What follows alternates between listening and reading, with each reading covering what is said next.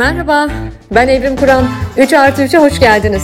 3 artı 3'te konuklarımla birbirimize üçer soru soruyoruz. Keyifli dinlemeler.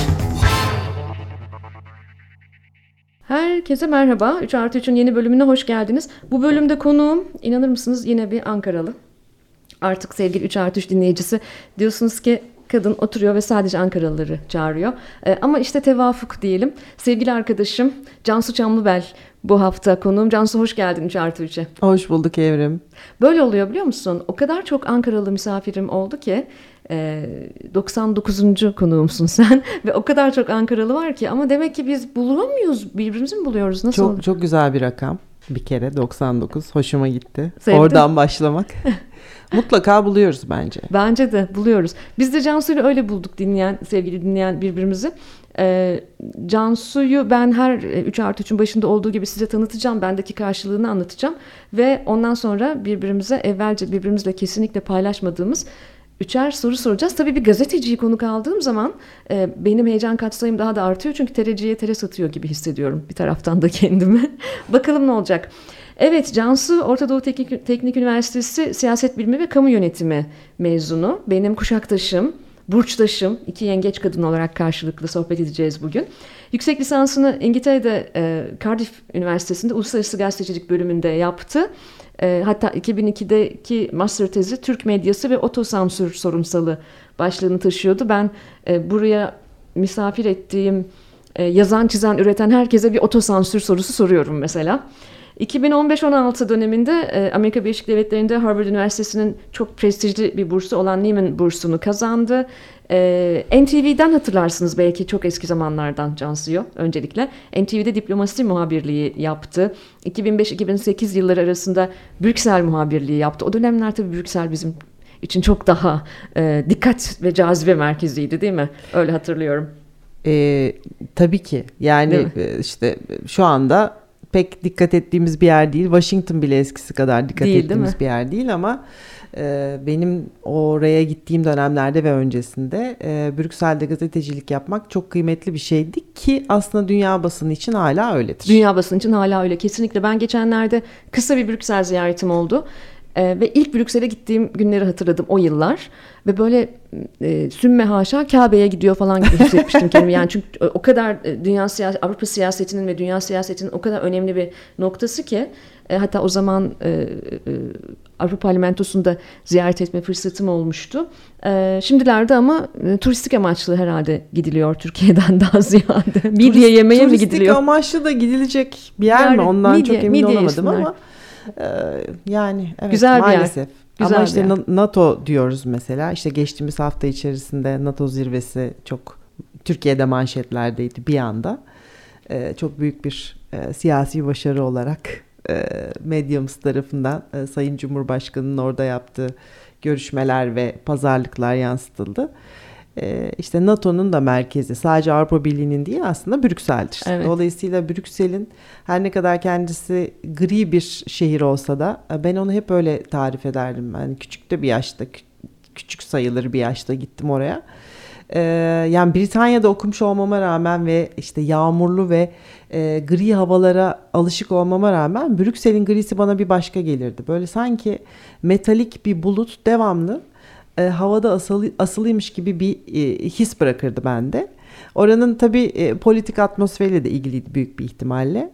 E, yine de ben severdim çünkü e, bu expat diyoruz onu İngilizce'de, işte Türkçe'de. O şehirde yaşayan, o ülkede yaşayan yabancılar.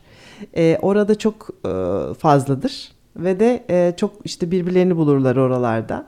O, o zamandan kalma çok iyi dostluklarım, tanışıklıklarım, e, bende kalan e, önemli ilişkiler olmuştur. E, biraz Ankara'da öyledir ya. Ya e, onu diyecektim. Brüksel'i çok Ankara'ya benzetiyorum diye. e, evet ruh hali olarak hatta oraya ben e, biraz farklı olmakla beraber e, sosyal ilişkiler açısından Washington DC'yi de ekleyebilirim. E, hiçbirisi işte kendi bulundukları ülkeler içerisindeki en güzel, en e, seksi şehirler değil belki. Ama tam da öyle olduğu için e, oralarda ev, evlerde buluşmalar, evlerde yemekler, evlerde toplaşmalar, oralarda sosyalleşmeler e, o üç şehirde de e, çok yoğun ve derindir. Oralardan da dostluklar, arkadaşlıklar, tanıştıklar kalır. E, işte belki aslında bizim İstanbul'da e, birbirimizi buluyor olmamızın e, kökeninde de e, bizim dış mekanlarda değil iç mekanlarda e, hayatını geçiren yani bu arada hani gece hayatı bizim üniversite zamanımızda Ankara'da hoş bir Çok iyi gece hayatı da vardı ama e, yani evlerin içerisinde evet. başka bir şey e, yaşanırdı. Biraz... Şunu hatırlıyor musun sen? Önce biz evde buluşurduk. Sonra dışarı çıkardık. Daima. Daima. Evet. İlk içkilerimizi evde alırdık falan. en güzel tarafı da oydu bence. Bence de en güzel tarafı, en heyecanlı tarafı o hazırlık ve o toplanmalardı. Geçenlerde Ali'yi oğlumu Ankara'ya götürdüm. Çok uzun yıllardır e, götüremiyordum. E, bayağı Ankara gezdik beraber. Anıtkabir'e götürdüm. Efendim işte kaleye çıkardım. Birkaç müze gezdik falan. Onu hep anlatıyorum. Ali çok sıkı bir rock dinleyicisi. Bak biliyor musun? Senin sevdiğin Türk rockerların önemli bir kısmı Ankara'dan yetişmedir falan diye anlatıyorum bugünlerde ona. Evet öyleydi. Ee, çok seksi bir şehir gibi görünmese de dışarıdan. Biz nereye gidersek gidelim Ankaralılar en çok Ankara'yı özlüyoruz diye düşünürüm hep özlüyorum hala çünkü e, ailem orada. Ailen Annem orada. babam orada ama e, yani son özellikle 5-6 senedir her gittiğimde ayrı bir e, derin hayal kırıklığı içinde buluyorum kendimi. Maalesef. Şehrin fiziksel hali nedeniyle. E, Maalesef. Ee, yani oranın o küçük olsun bizim olsun hali e, yerine işte tamamen cam ve kromaja teslim ettiğimiz ya. ve çirkin mimarilere teslim ettiğimiz işte o Cumhuriyet döneminin hani böyle çok e, ikonik, ikonik, sembolik binalarının e, ya nerede bunlar, nerede kaldılar diye belki artık işte fenerle mumla arayacağımız bir Ankara var. Eminim ki pek çokları orada yaşayan ya da oraya giden bu halini daha çok beğeniyordur. Daha modern tırnak içerisinde buluyordur. Ben öyle bulmuyorum. Çocukluğumun Ankara'sını özlüyorum. Ben de çok özlüyorum ama işte e, belki de o tevafuktur ki ben e, bir bakıyorum ki 3 artı 3'e gelen konukların zannedersem %90'ı Ankara'dan geçmiş, Ankara'da büyümüş, Ankaralı. Ve e, Brüksel'de kaldım. Ee, evet e, 2008'de e, Brüksel'den ayrılıyorsun. 2008'den 2019 Şubat'ına kadar Hürriyet ve Hürriyet Daily News'da muhabirlik, haber müdürlüğü, yazı işleri müdürlüğü, köşe yazarlığı gibi bir sürü farklı görevde bulunuyorsun. Ee, hatta 5 sene boyunca yüz yüze pazartesi köşesinde Hürriyet'in haftalık siyasi röportajları da senden geçiyor. Ee, sonra 2017 Nisan'ından e, Şubat 2019'a kadar Hürriyet'in Washington temsilcisi olarak görev yapıyorsun. Ee, ben hep senin arkandan konuşurken Amerika'nın e, Kuzey Amerika'nın nabzını en iyi tutan gazeteci diye anlatırım. Dedikodunu öyle yaparız senin arkandan Eskiden. konuşurken. E, Valla e, e, artık değil mi hala değil mi diyorsun? Yok ben çok yakın takip ediyorum evet. da hani şimdi orada e, içinden e, hala sahada olan arkadaşlara e, ayıp olmasın yanlışlık olmasın diye. Yoksa ben buradan çok yakın çok takip yakın ediyorum takip hala. Onu biliyorum evet. o yüzden e, biz de seni çok yakın takip etmeliyiz bence. E, derken e, işte konuşacağız e, Türkiye medyasında e, acayip acayip şeyler oluyor. Ve e, gazete duvarda yani bağımsız medyada gazete duvarda e, yazmaya başlıyorsun. Duvar English'in genel yayın yönetmenliğini yapıyorsun. Şimdilerde T24'te röportajlarını okuyoruz. E, şunu konuştuk yayından önce de. Eğer iyi içerik koyarsak insanlar okuyor. Dolayısıyla insanlar kitapta okuyor, e, gazetede okuyor, dergide okuyor. Okuyorlar insanlar. Ben de bir işin edebiyat tarafından bir ucundan tutan biri olarak, araştırma kitapları yazan biri olarak ben araştırma kitabı yazıyorum. Okuyor insanlar, okunuyor. iyi içerik. Uzun podcastler çekiyoruz, dinliyor insanlar. O yüzden ben sana çok teşekkür ediyorum. Ee, burada e, o çizgiyi hiç bozmadığın için ve iyi içeriği üretmek konusunda ısrarcı olduğun için de. Ve ilk sorum geliyor. Hazır mısın? Hazırım. Bu arada onu söyleyeyim yani sıkıcı olma pahasına bir ısrar var orada. Evet. O sıkıcılığı göze alan sevilmemeyi, bir ısrar var. Sevilmemeyi göze alma, sıkıcı olmayı göze alma. Evet bu, bu bir cesaret işi. O yüzden teşekkür ediyorum. Ben teşekkür ederim bunu e, bu şekilde algıladığın için. Umarım e, daha çok yani algılayanlar sayıca çoktur ve çoğalır. İnşallah o yüzden de seni e, çok istiyordum podcast'te almak, konuk almak ve bunları konuşmak. E, 3 artı 3 dinleyicisi e, iyi içerikten anlayan bir dinleyici. Dünyanın 77 ülkesinde bizi dinleyen göçmen dostlarımız var. Türkiye'de biz dinleyen dostlar var. E, bu bununla ilgili görüşlerini de bu yayından sonra paylaşacaklarını düşünüyorum. Sevgili dinleyen yazarsınız siz bana biliyorum. Ve birinci sorum geliyor.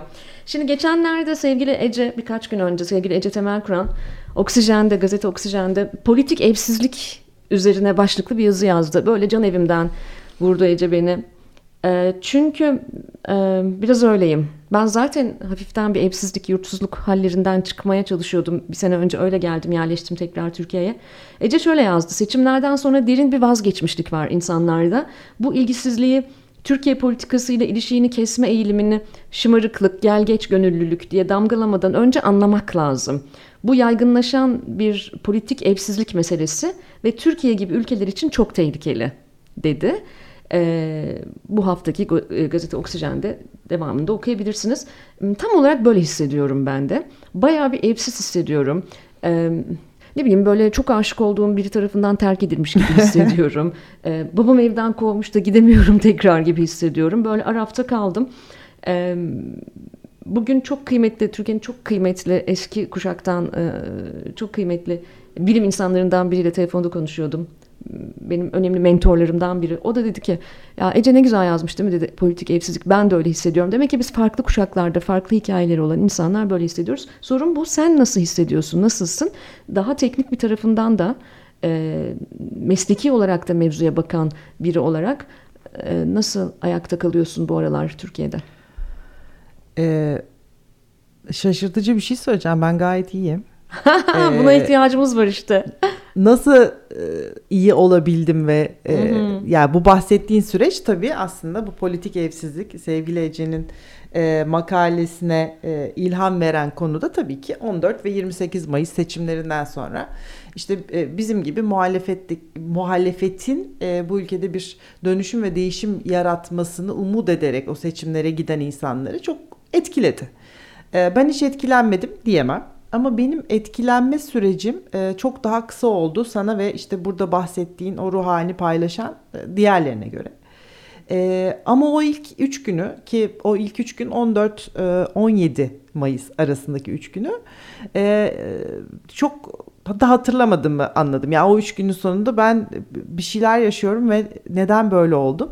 Ve o duyguyu, o üç günlük duyguyu küçük de bir kızım var yani işte yedi buçuk sekiz yaşında. Dolayısıyla hani onun yanındayken tabii ki politik e, konuşmalar yapılıyor ve e, ben evden çalışan bir gazeteci olduğum için e, seçim sürecinde de pek çok şeye kulak misafiri oldu, tanık oldu bir takım konuşmalara ve onlarla ilgili gelip bana sorular sordu. Ben de onu anlayabileceği şekilde hiçbir şeyi filtrelemeden anlattım. E, seçime giden karakterleri tanıyordu. Bu seçimin bizler açısından, benim açımdan neden o kadar önemli olduğunu, e, onun yaşını anlayabileceği şekilde. Çünkü ben çocuklara da böyle çok fazla duygusal yük, e, politik yük e, bindirilmesinden taraf değilim. O yüzden e, olabildiğince de hijyen tutarak anlatmaya çalıştım. Ama bir yabancı okula gidiyor Türkiye'de.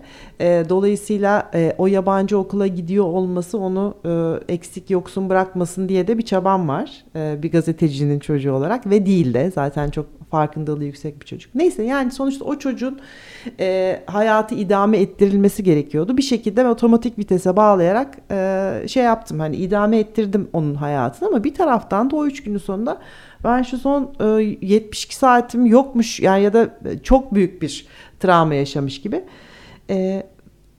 Sanki evden bir cenaze çıkmış gibiydi. Sen de aynı şeyi söyledin. Bir yakınımı kaybetmiş, belki babamı kaybetmiş e, gibi oldum dedin. E, ve aslında e, bir yakınımızı kaybetmedik belki ama umudu kaybettik. O çok tabii ki büyük bir üzüntü aslında.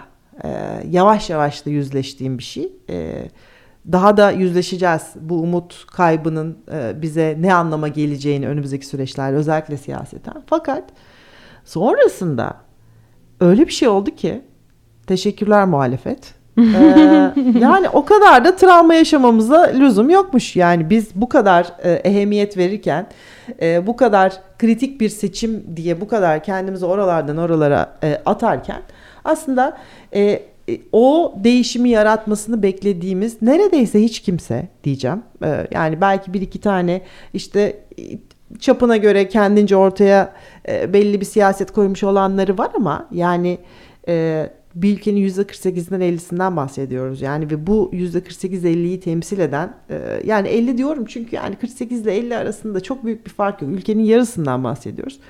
E, bu e, ülkenin yarısını bir şekilde totalinde toplamında temsil eden siyasetçiler aslında e, o sandığa giden insanların taşıdığı duyguyu taşımıyormuş. Ya da taşıdıklarını iddia etmişler bize. Yani taşıdıkları e, e, sanrısı yaratmışlar ama aslında taşımıyorlarmış. Yani çoğu taşımıyormuş. Şimdi dediğim gibi istisnalar var aralarında ama e, dolayısıyla da hani neden ben bugün gayet iyiyim? E yani demek ki benim beklediğim deniş, değişim ve dönüşümü bunlar da yapamayacakmış ki.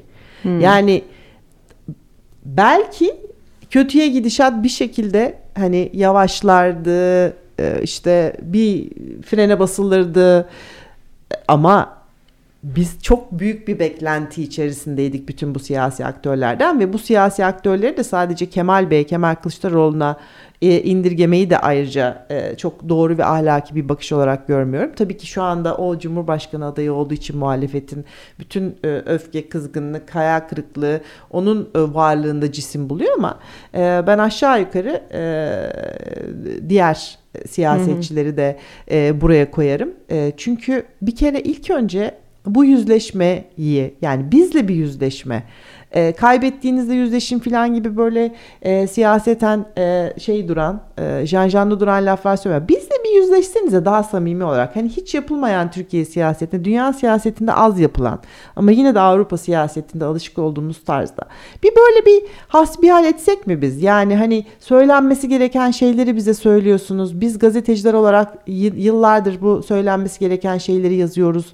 Bunları soruyoruz. Cevap geliyor gelmiyor ama ya hakikaten biz biraz ihtiyacımız var. Yani bu toplumun 25 milyonu olarak e, biraz hani daha dostane, daha şey bir yerden. Ya olmadı, niye olmadı? Bak siz de yanlış yap. Biz de gereksiz heyecanlı. Neyse yani bu. Hani bu kadar terk edilmiş bu duygularla baş başa bırakılmış olmak hani bunun sonunda benim geldiğim yer.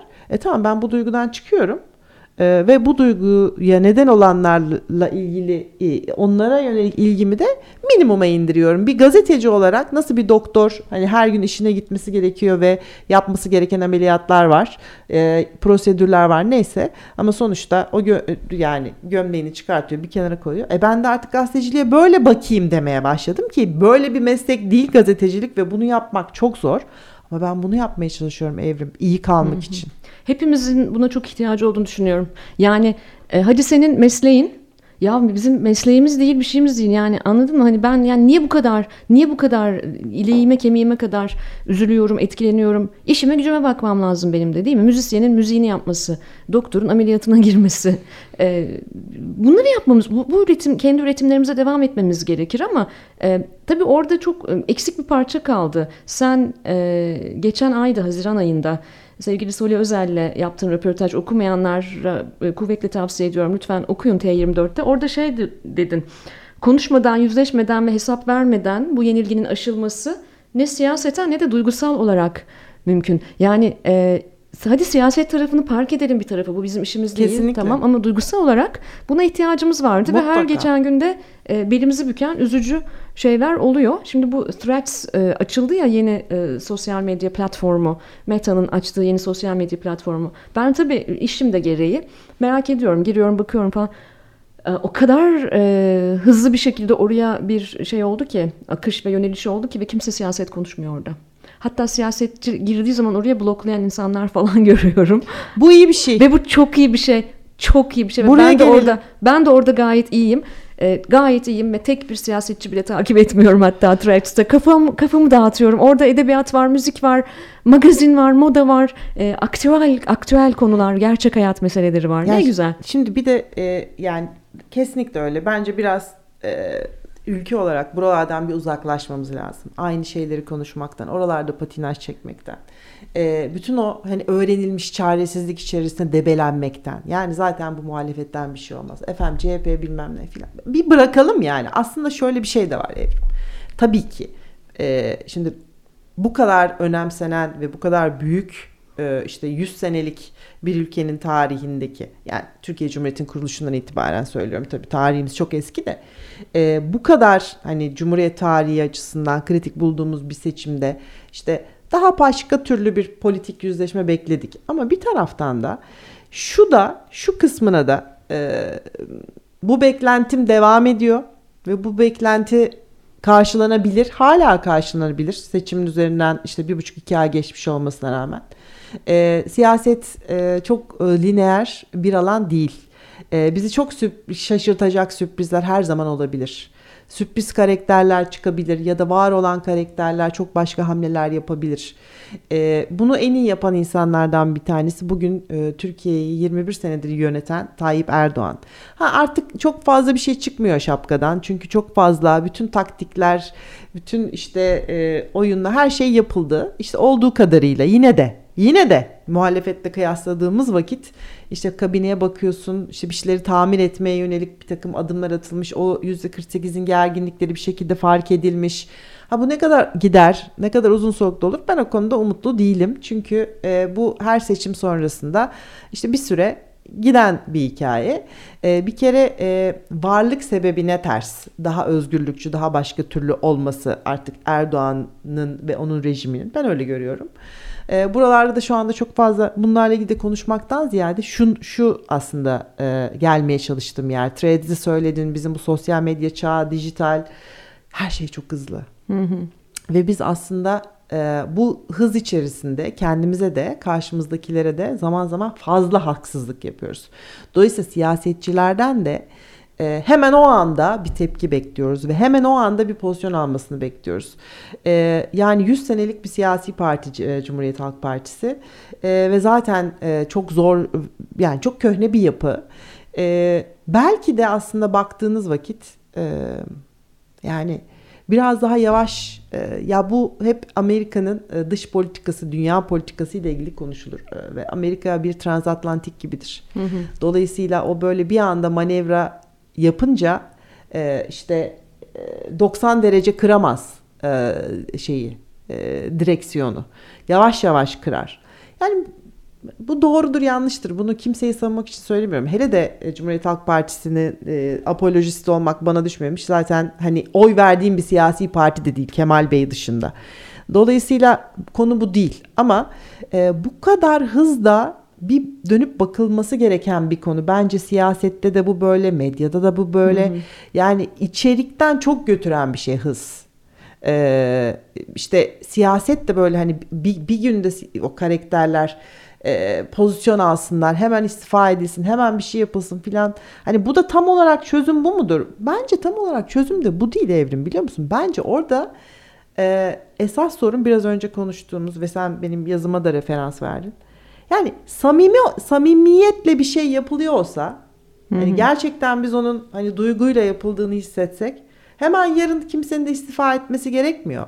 Yani o istifa sonra da gelebilir ya da o işte bayrak değişimi sonra da gelebilir. Böyle çok e, kategorik gidiyoruz.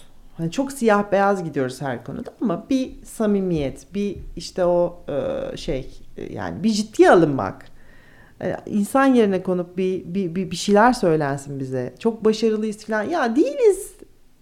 Yani hep herkes yani Türkiye Cumhuriyeti'nin tarihine baktığında böyle Osmanlı tarihinin bu ülkede e, okullarda oku, oku, okutuluş şekli de bu böyle. Yani zaferlerden zaferlere koşan bir halk, zaferlerden zaferlere e, koşan bir devlet. Ya arkadaşlar yani bu e, böyle bir şey yok dünyada da yok böyle bir şey. E, o yüzden yani biz şey yapmadık. O kadar baskı evet evet yani biz işte bu İngilizceden free and fair elections diye yani özgür ve adil seçimler. Bu ülkede seçimlerin adil olmadığını zaten biliyoruz. 10 senedir böyle bir e, adil ortamda seçime gidilmiyor. E, iktidar partisinin lehine hem e, manevi hem politik hem finansal çok büyük avantajların, bütün devlet sisteminin, devlet kurumlarının, devlet bürokrasisinin kullanıldığı bir sistemde e, muhalefet partileri kendilerine yer bulmaya ve kampanya, özgürce kampanya yapmaya çalışıyorlar. Bunu da sadece dönüp dolaşıp TRT meselesine indirgemek, TRT'de şu kadar dakika çıkıldı, bu kadar dakika çıkılmadı. Ya konumuz bu mudur artık? Yani bu e, e, adaletsizliğin sembolü sadece TRT'de e, ya bir indoktrinasyonla karşı karşıyayız. Hı hı. E, yani şimdi bakıyorsunuz işte Osman Kavala olduğunu ima eden yani aslında e, evet. e, filmin e, dizinin karakterinin bir dizi çekiliyor ve böyle bir e, yayına giriyor ve aslında Türkiye'nin en çok seyredilen kanalları bunlar. Yani Anadolu'da Türkiye'nin genelinde en çok ve hani burada e, şöyle bir şey mi oluyor? Siyasetçiler çıkıyorlar ve seçim konuşmalarını yapıyorlar ve bir anda bütün Türkiye'de e, nabız atmıyor ve herkes onların işte ulusa seslenişini öyle bir şey olmuyor ki ama o dizileri seyrediyorlar hakikaten. E, ve oralarda devamlı kafalarının arkasında bir çip yerleştirmiş gibi bir takım şeyler söyleniyor bu insanlara. Esas adaletsizlik burada. Esas toplumsal mühendislik haber programları üzerinden evet ama e, liderlerin seçim konuşmalarının yayınlandığı saat üzerinden yapılmıyor ki. Biraz buralara da bakmamız lazım. Yani çok ciddi bir e, toplumsal mühendislik içerisinde e, Cumhurbaşkanı Erdoğan ve Adalet Kalkınma e, Partisi e, ve e, tarihin yeniden yazımıyla ilgili çok ciddi e, çabalar var.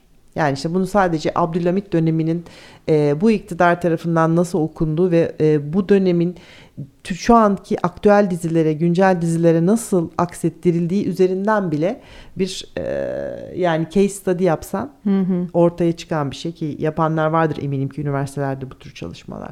Hatta biz bu konuyu da işte biraz önce Soli ile e, yaptığım söyleşiyi hatırlattın. E, yine e, değerli bir akademisyen e, Profesör Doktor Fuat Keyman'la evet. konuştuk bu konuyu da.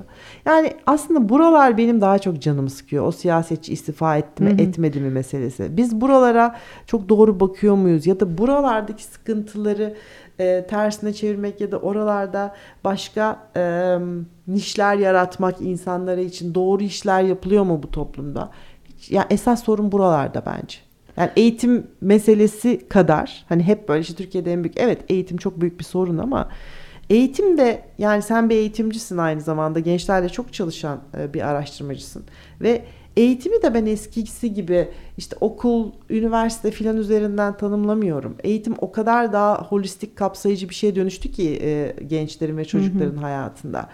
E, evde, sokakta, işte seyrettiği e, dizide, filmde, çizgi filmde, eline aldığı oyunda yani bütün bunların hepsi bu eğitim sürecinin parçası. Ve e, benim aslında umutsuz olduğum ya da karamsar diyeyim, umutsuz demeyeyim ama karamsar olduğum yerler oralar Türkiye ile ilgili.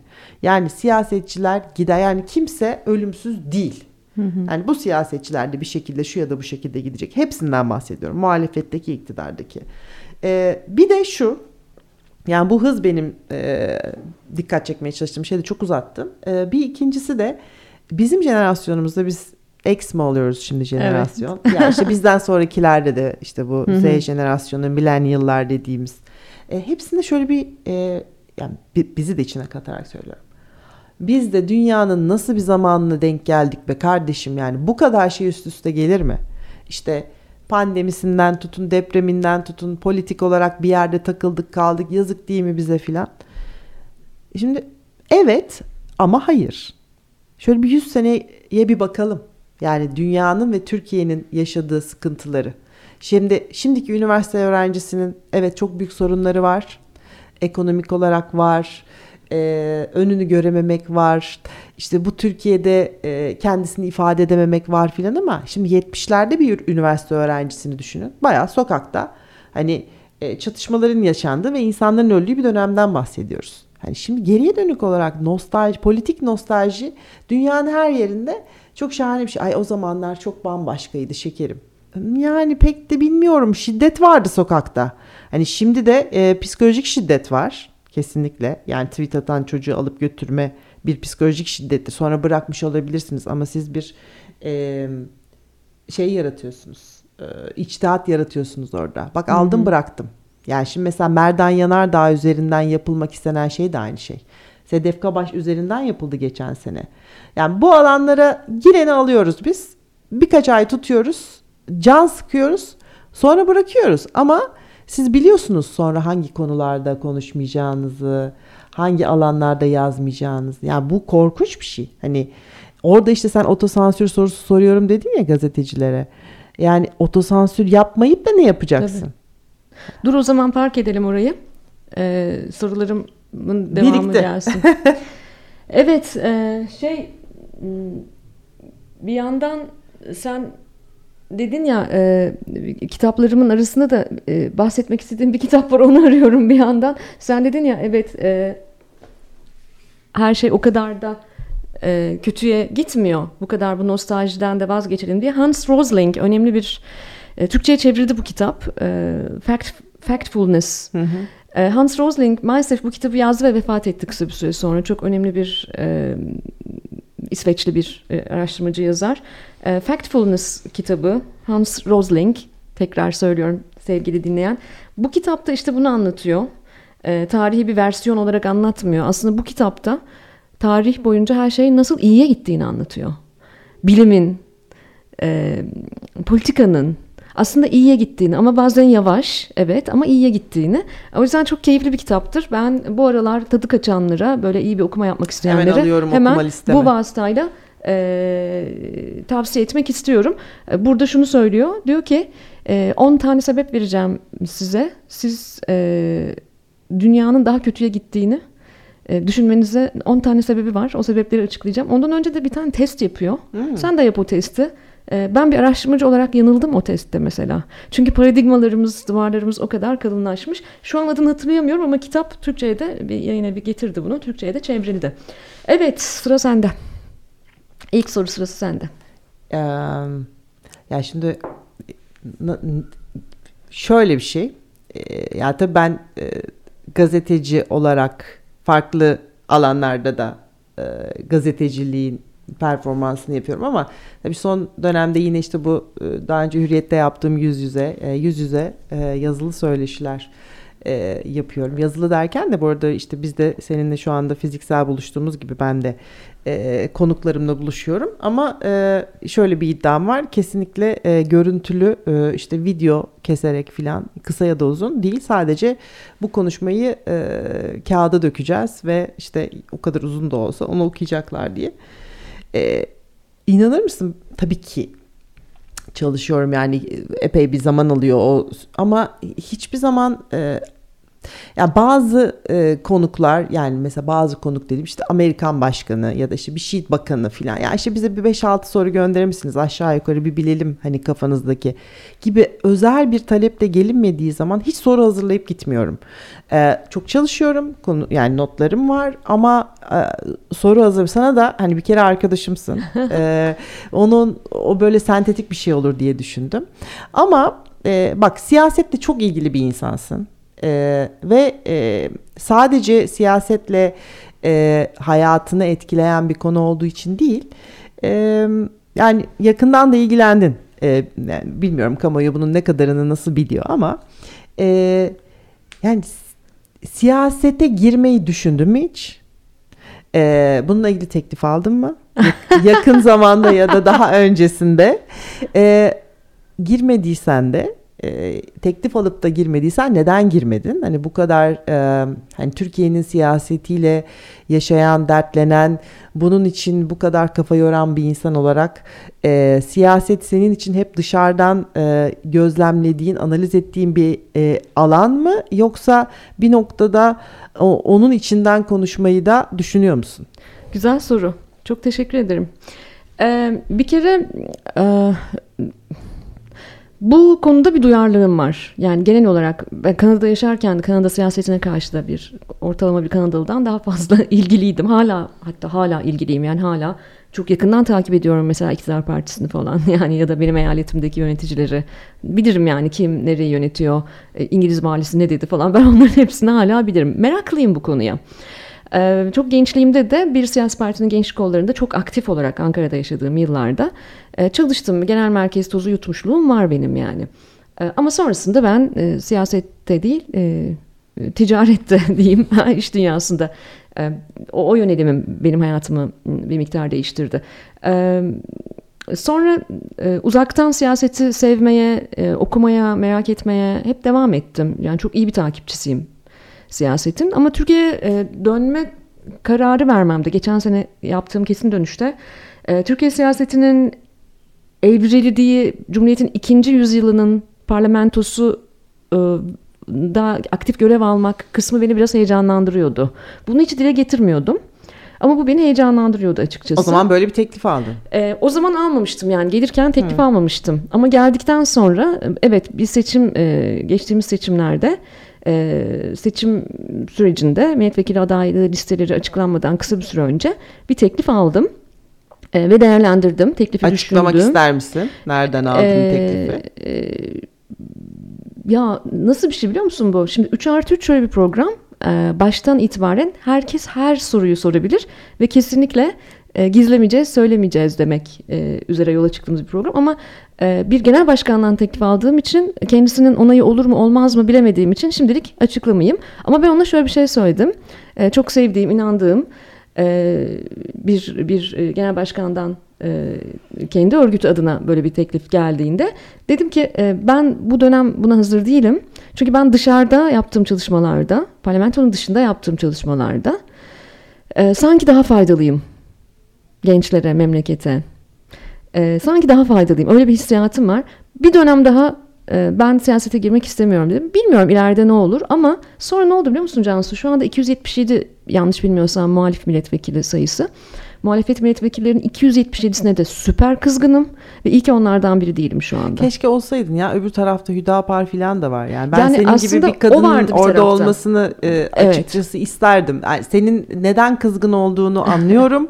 Onlarla aynı sıralarda oturmak istemiyor olabilirsin şu anki kızgınlığınla ama sonuçta 5 senelik bir parlamentodan bahsediyoruz. Evet. E, ve e, yani Zaten belki de seçilemezdim Cansu kim bilir.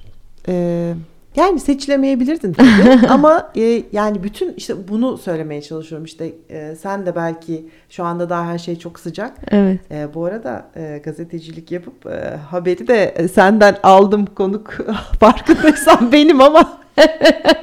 evet ya gerçekten gazeteciliğini yaptım. Işte Dedim ya TRC TR satacağım diye ben normalde konuşturuyorum mesleki burada. Mesleki deformasyon evet. hemen susuyorum. ama şöyle bir durum var. E, yine de e, bu programda böyle bir prensip var. Yani e, demirden korkan trene binmeyecek. Yani ben de dahilim buna. Bana da ya soru soruluyor. Yani gazetecilik de o kadar şey şimdi hani Aa, vurdum aldım değil canım. yani sen şu anda bir e, yani bir, bir kere siyasi nezaket diye bir şey var e, ve insani ilişkiler diye bir şey var. Evet. Ee, yani burada şimdi ben e, Ahmet mi, Mehmet mi, Kemal mi, Ali mi filan diye zorlasam sen de belki bir noktada söyle. Ama hani bunu evet. bu, bu da gazetecilik değil zaten ama ben soruma cevap aldım. Yani Bence sen... dinleyen de zaten aldı. Yani 3 artı 3'ü düzenli dinleyenler. Ama o zaman hissi, hislerimde e, yanılmıyorum. E, yani sen seni bir noktada e, daha hazır olduğun ve daha motive olduğum bir noktada siyasette görebiliriz. Kesinlikle her zaman çünkü benim bir kere şöyle bir derdim var. Yani benim çakarlı arabaya binip sağdan gitmek ve e, e, CIP kapılarından uçağa geçmek falan gibi bir kaygım yok. Yani ben e, e, statü sembolleriyle ilgili e, bir beklentim, kaygım veya böyle bir hasretim falan da yok. E, ama e, benim memleketten aldığımı memlekete vermek gibi bir derdim var. Tamam mı? Ben Ankara'da bir memur çocuğu olarak büyümüş, e, ve dünyaya açılabilme fırsatlarını kazanmış. Bu benim için cumhuriyet kazanımlarıdır bunlar. Ben bunları yaşamış biriyim. Ben bir kız çocuğu olarak kendimi inşa etmişim.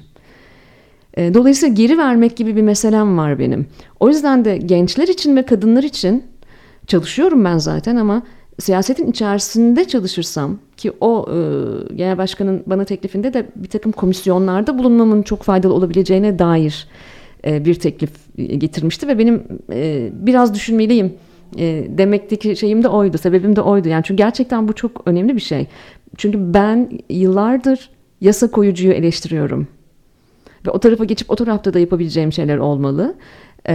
bir taraftan da tabii ki bürokraside de görevimiz olabilir. bunları yapabiliriz ama bu yeni parlamentoyu çok beğenmiyorum. Yani verdiğim oydan yana çok mutluyum.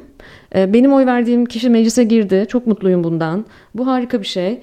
Ama e, şu anda o parlamentoda olsaydım nasıl olurdum bilmiyorum ya. Yani bayağı mutsuz olurdum gibi geliyor. Kendimi teselli ediyorum. Belki de orada olsaydım daha az öfkeli olurdum. Belki en azından orada mücadele ediyoruz falan diyebilirdim bilmiyorum. Ama biraz daha galiba dışarıda e, dışarıdan e, sivil toplumdan ve iş dünyasından ses vermeye devam edeceğim gibi görünüyor. 47 yaşındayım. Yani Yani daha biraz daha vaktim olabilir. tabii kesinlikle Değil mi? var canım. Ama yine Yani. yine kadınların bulunduğu e, durum da beni çok memnun etmiyor. Yüzde yedi buçuktan yüzde ona çıktı bu dönem parlamentodaki kadın oranı. E, Ama çok sesli kadınlar değil onlar da zaten. E, Evrimcim e, işin acıklı olan tarafı e, ben de 46 yaşındayım e, ve biz hala genç görülüyoruz. Evet. E, bu ülkenin siyasetinde de girsek girmiş olsak bayağı Genç- işte genç genç, kadın kadınlar diye diyecekler. bizden bahsedilecek. Evet. Tuhaf bir şekilde.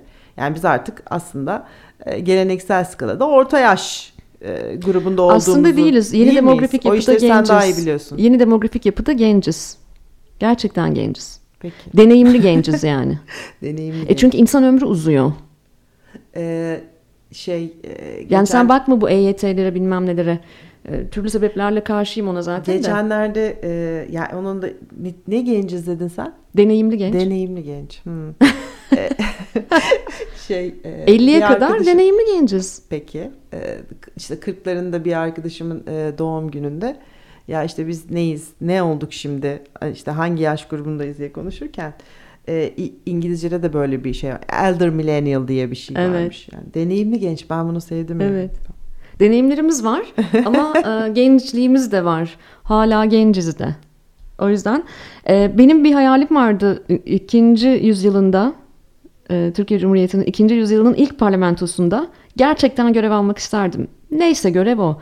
E, ama ya bu şey gibi biliyor musun? Hani mesela bazı şirketler şöyle yapıyor. E, ortaya bir tane ofislerinde ortaya bir tane bilardo masası koyuyorlar. Kenarlara rengarenk armut koltuklar, salıncak falan koyuyorlar. Bakın ne kadar eğlenceli bir şirket izlemek için. Halbuki aslında proseslerin hepsi aynı. Ve ne zaman bu şovlar, bu gösteriler ne kadar artsa ben o zaman o şirketlere gittiğimde şey diyorum. Hayırdır yani bu ara çok mu mesai yaptırıyorsunuz, çok mu çalıştırıyorsunuz falan. Ee, böyle bir gösteri e, içerisinde olmak istemiyorum. Ben gerçekten bir şeyler yapmak istiyorum. Şimdi bu parlamento biraz daha gösteri parlamentosu gibi geliyor bana. Bana kızmasınlar. Ben buraya e, çeşitli milletvekillerini de konuk aldım. E, kızmasınlar bana ama bu parlamento beni muhalefet anlamında tatmin etmiyor. Hala grup toplantısı yapmamış muhalefet partileri var şu an parlamentoda. Az bir zaman olmadı değil mi? Evet. Bence artık bir grup toplantısı yapılabilir yani. Benim Yani gibi işte. salı günleri grup grup toplantısı izleyen biri yalnız bir sıradan Yani seçmen bunu bekliyor yani. Ee, e, tamam hadi yaz arası versin sıradan seçmende. Eylül ayından itibaren bakalım artık o işlere gerçekten. Yani biz de çünkü diyorum ya biraz kendimizi tedavi etmemiz Evet, gerekiyor. evet. Bu kadar siyaset bağımlılığı. Ee, ya bir şey söyleyeceğim evet par- parlamento gerçekten benim açıkçası yani orada sana katılıyorum. Ee, hani seçim sonrasında e, çok kimse etrafımdaki çok kimseye göre daha hızlı toparlandım dedim ama parlamento benim e, asabımı e, Cumhurbaşkanlığı seçiminin kaybedilmesinden daha çok bozdu. Kesinlikle öyle. Ee, Yüzde 1500 öyle hissediyorum. yani o benim asabımı çok daha bozdu çünkü e, e, yani şimdi ve sonrasında şöyle bir şey de yaşandı. Yani ya bir dakika hani bizim oy verdiğimiz listelerden giren şimdi orada da bir e, şey nasıl ifade edeyim onu e, haksızlık yapmak istemiyorum. Yani bir anda böyle e, işte gelecek Deva Saadet Partisi e, yarın hemen bir takla atacaklar ve e, işte e, as- asıllarına rücu edecekler filan gibi bir ön kabulle yaşamak çok büyük haksızlık olur e, bu insanlara. Bu insanlar da e, başlarını kellelerini ortaya koydular yani böyle bir siyasi ortamda. Ama orada da şöyle bir e, psikolojik efekti oldu Abdülhatif Şener meselesinin. Hı hı. Ya işte oradan çıkan başka türlü olamıyor. Bir şekilde bir tur atıyor, geri dönüyor duygusu yarattı e, seçmende. Özellikle seküler Hı hı. e, ve cumhuriyetçi olarak kendisini tanımlayan seçmende. Yani ona da kızamıyorum. Çünkü çok duygusal şeyler bunlar.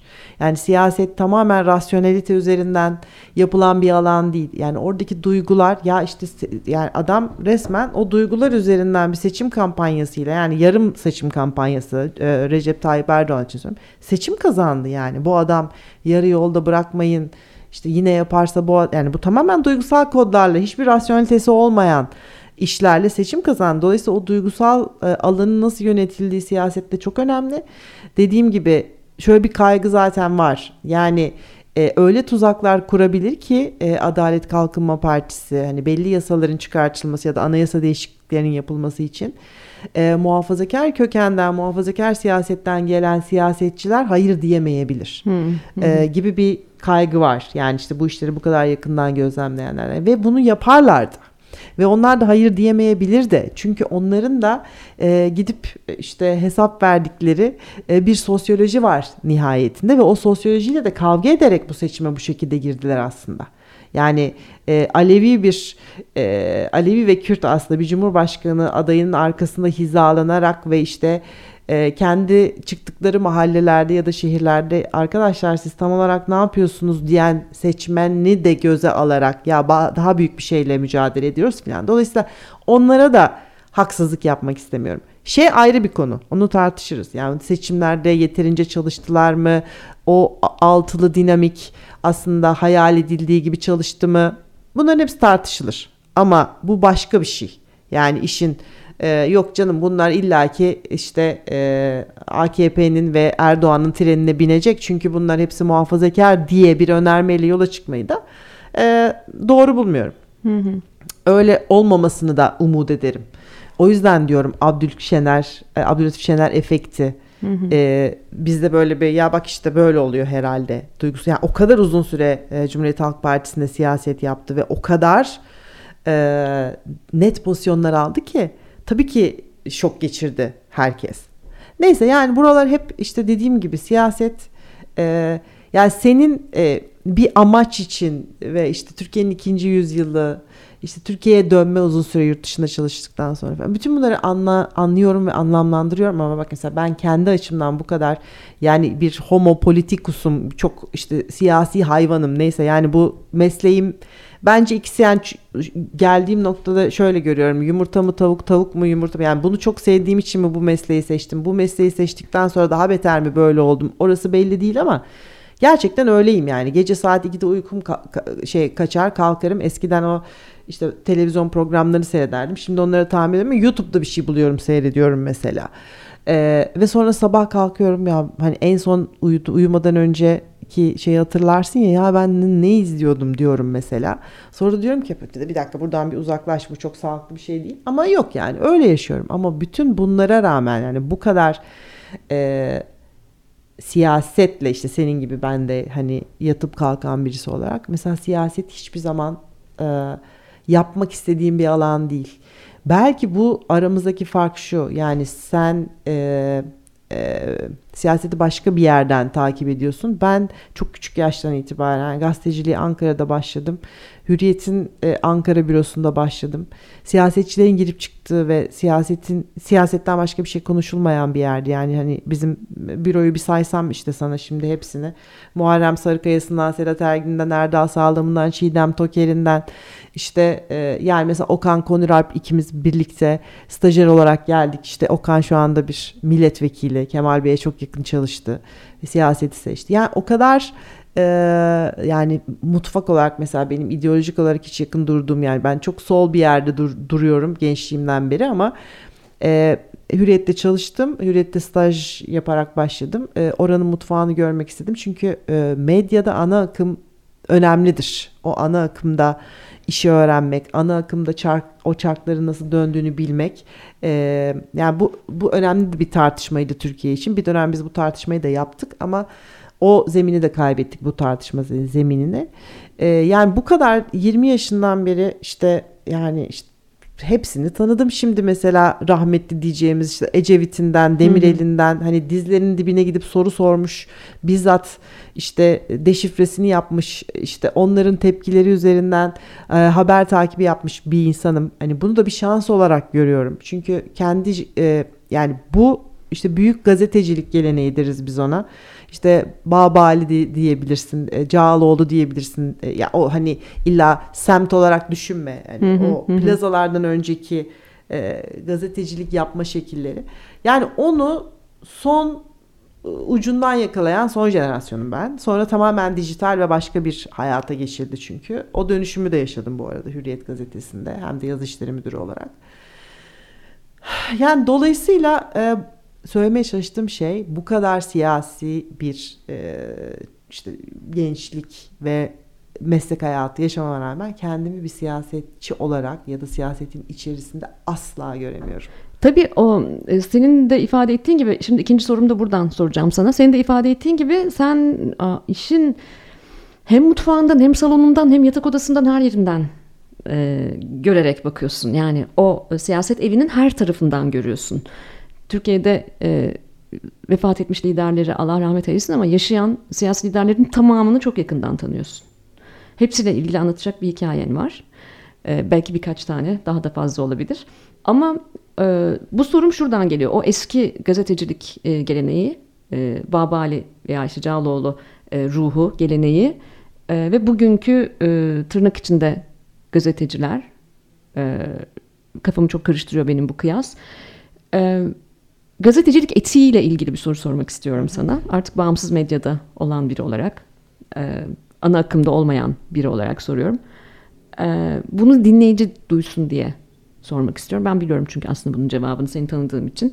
E, Türkiye siyasetinde sen çok önemli bir haber alsan bir siyasi liderden örneğin ve bunu yazmanın, paylaşmanın senin kariyerin için ne kadar iyi ve faydalı olacağını mı önce düşünüyorsun yoksa ülkenin yani sağlığı, ruh sağlığı vatandaşların ruh sağlığı açısından nasıl karar veriyorsun buna? Ee, Hemen her duyduğunu yazıyor musun yani? Hayır. Bunun e, bir sanki gazete... bana bunu yapan gazeteci çok az gibi geliyor artık da o yüzden ee, soruyorum. Ee, çok az. Ee, geçmişte de bunu çok yapan yoktu. emin ol bu çok e, zor bir alan çünkü. Evet. Ben bu konuda e, işte o takıntılı olduğum konulardan bir tanesi bu. E, iki sebeple. Şimdi birincisi e, kamu yararı çok önemlidir.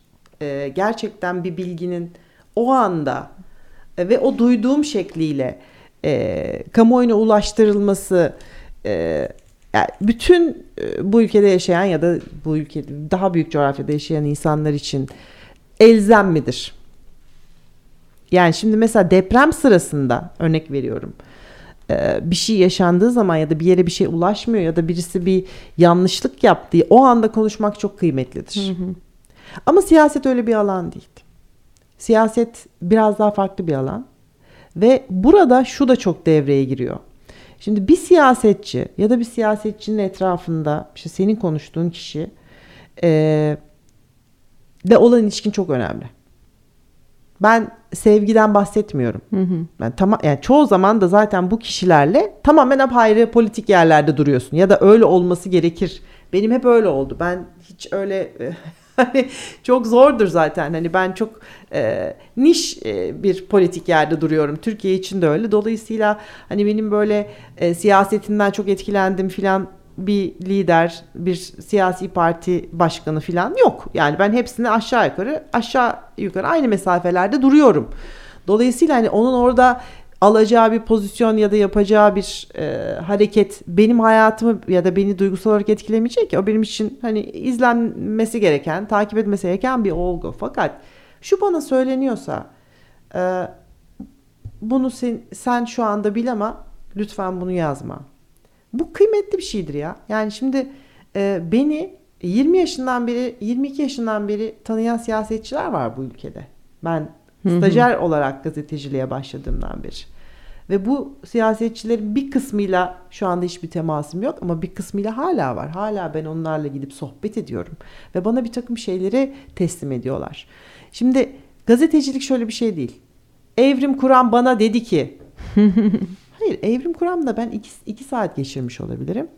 Evrim Kur'an bana gerçekten benim çıkıp yazamayacağım şeyleri teslim etmiş olabilir. Ama ben Evrim Kur'an'ın ruh haline dair e, bir düşünce ile çıkarım oradan. Ve sonra Evrim'e diyebilirim ki ya Evrim hani sen bunları bana dostane bir şekilde anlattın. Bunları yazayım diye anlatmadın. Ama ben de şöyle bir analiz belirdi. Ve sana da şu şekilde atıfta bulunmak istiyorum Ne dersin? Asla diyebilirsin. Ya biraz önce sana bir soru sordum ve dedin ki yani ben bu soruya şu yüzden yanıt veremem. Bu teklifi bana veren, yapan kişinin haberi olmadan şimdi onun gıyabında bunu söylemek istemem. Tamam. Ama sen bana diyebilirdin ki ya bu soruyu bana hiçbir konum sormadı sen sordu söylüyorum şu kişi diyebilirdin. Demedin. Ee, yani ben mesela şunu yapabilirim. Ben şu anda senin konuğunum ama aynı zamanda bir gazeteci konuğum. Birkaç hafta sonra seni arayıp ya Evrim o genel başkana sorsana ya. Ee, hani ben bir yazıda e, bir kadın olarak hani siyasetçi işte parlamento bir, bir yazı geldi aklıma. Senin ismini geçirmek istiyorum. O siyasi parti liderine bir sorsana acaba onayı var mıdır? Şimdi fikri takip böyle bir şey. Hmm. O an, hani sen dedin ya o anda onun yazılması gerekiyor mu? Hayır. Örnek vereceğim. Ee, ben dış diplomasi muhabirliği çok uzun süre yaptığım için Dışişleri Bakanlarıyla e, İsmail Cem'den itibaren e, çok yakın seyahat ettim. Yani şu, şu anda Türkiye'de işte herhalde e, yani evet çünkü sonrasında yurt dışına gittiğim için olmadı ama Ahmet Davutoğlu'na kadar ki Dışişleri Bakanlarını İsmail Cem Ahmet Davutoğlu arasını düşündüğün vakit zaten işte orada dört kişi var. E, arada bir Ali Babacan kısa dönem yaptı. Abdullah Gül yaptı. E, çok yakın seyahat ettik ve e, beraber dünyanın pek çok yerine gittik. Ee, şimdi e, Ahmet Davutoğlu ismini vereceğim. Ee, çok uzun süre Dışişleri Bakanlığı yaptı başbakanlıktan önce. Ee, bir gün e, bir yerden dönüyoruz. Uçakta da üç tane gazeteciyiz. Küçük uçak, ata uçağı. Ve e, işte off the record diye başlandı. E, katıldığımız işte bir dünya zirvesinde yaptığı görüşmeler anlatıyor ve çok çok kritik meseleler anlatıyor. E, ben de not alıyorum. Yani kendim için not alıyorum. Off the record dedi yani. O iş bitmiştir zaten. O yazılmayacak. O anda haberi olmayacak ama. E, o dedi Cansu dedi not alıyorsun sen dedi. Dedim yani e, Sayın Bakan ben onu kendi şeyim için alıyorum yani şimdi burada böyle bir şey olmuş onu takip edeyim diye. Hı filan dedi. E, tamam peki tamam sen zaten ben sana böyle bir şey olmaz yazmazsın biliyorum senin işte etiğini filan dedi. Neyse o sohbet uzadı uzadı uzadı uzadı. Sonunda o, o da bir meslektaşımızdır. Şimdi o da araştırma yapıyor. E, birazcık kulvar değiştir Osman Sert. Hı hı. Osman da o zaman e, basın danışmanlığını yapıyor Ahmet Davutoğlu'nun. Ve sohbet bitti. İşte uçak Ankara'ya indi filan. Ee, Osman dönüp dedi ki e, hocam onlar öyle konuşurlar ekip içerisinde konuşurlardı. Ahmet Davutoğlu'nun hocalığına zaten hep referans yapılır ya. Hocam dedi siz e, yani evet Cansu dedi asla sizin yazma dediğiniz bir şey şimdi yazmayacak ama şu ufak bir sorun var dedi. Siz bu gazeteciler bu defterleri yakıyor zannediyorsunuz. şimdi öyle bir şey işte gazetecilik. O hafızayı da kaybetmiyorsunuz. O yaptığınız konuşmalar size o anda off the record denilen şeyler 20 sene sonra bir anlamı olabilir. O ilişkinin de o gün o anda yazmadığınız bilginin de başka bir e, şeye oturtabilirsiniz. Orada hem dediğim gibi eğer orada acil bir kamu yararı yoksa onu biraz ötelemek gayet. Hı hı. Bir de e, gazetecilik insani ilişkiler üzerine kurulu bir meslek. Tek sermayeniz sizin telefon defteriniz ve o insanlarla kurduğunuz ilişkiniz. O telefonu kaldırdığınızda e, o telefon açılmıyorsa ya da o telefon açılıp da e, sizinle konuşamayacağım çünkü siz çok ahlaksız bir gazetecisiniz. Benim yazdıklarım yanlış akset böyle şeyler var. Yaşıyor gazeteciler bunları itiraf etmezler. Deniliyorsa senin zaten bir kariyerin olamıyor ki. Yani ilk önce e, bir güven tesis etmen gerekiyor haber kaynağına. E, senin verdiğin bir bilgiyi bir doğru aksettirebiliyor mu bu kişi? İki e, yani sadece onun mahremine teslim ettiğin bir şeyi e, kendi kişisel çıkarları için illa kullanmayabileceğini yani bunu göze alabiliyor mu? Bu ikisi çok olmazsa olmazı gazeteciliğin ama uzun süreli e, bir koşu. Yani uzun süreli Hı-hı. bir yolculuk olması gerekirdi. İşte Türkiye'de başka sebeplerden dolayı çok kısa sürüyor ya da işte insanlar para kazanmak için başka sektörlere gidiyorlar ya da tutuklanmamak için filan neyse. O kadar da dramatik olmayabilir yani tutuklan hani şimdi bizi dinleyen ya da gazeteciliğe hala bir şekilde Ee, yani e, Ahmet, e, sevgili Ahmetçik senin e, yayınına katıldığında dinlemiştim. 3 artı 3'te. Ya işte hiç tavsiye etmem filan demiş. Ya o kadar da değil. Ben ederim her şeye rağmen ve gazetecilik de ölmedi. E, form değiştiriyor. Biz bu e, değişen forma göre e, yeniden gazetecilik yapmayı öğreniyoruz ve bu aslında çok kötü bir şey olmayabilir. Çünkü ben zaman zaman e, sana soru sorma fırsatı bırakmadan böyle konuşacağım ben. zaman zaman şunu düşünüyorum. E, işte mesela e, işte NTV'de çok uzun çalıştım, Hürriyet'te uzun çalıştım. E, ya meslek büyüklerime baktığım zaman işte hala var aralarında işte 60-70 yaşlarında her gün köşe yazıyorlar mesela. Hani o onun hayatı ee, ve biz de bütün bunlar olmadan ve medya yıkılıp dağılmadan önce bu normal bir şey diye düşünüyorduk. Biz de öyle olacaktık belki. İşte aynı şekilde her gün birinci sayfası yapılacaktı gazetenin. İşte akşam haber bülteni hazırlanacaktı falan. Şimdi mesela şöyle düşünüyorum. Ee, bu gerilla hayatlar insanlara daha yaratıcı olmayı ve kendilerini yeniden doğurmayı öğretiyor. Ben hala o süreçteyim.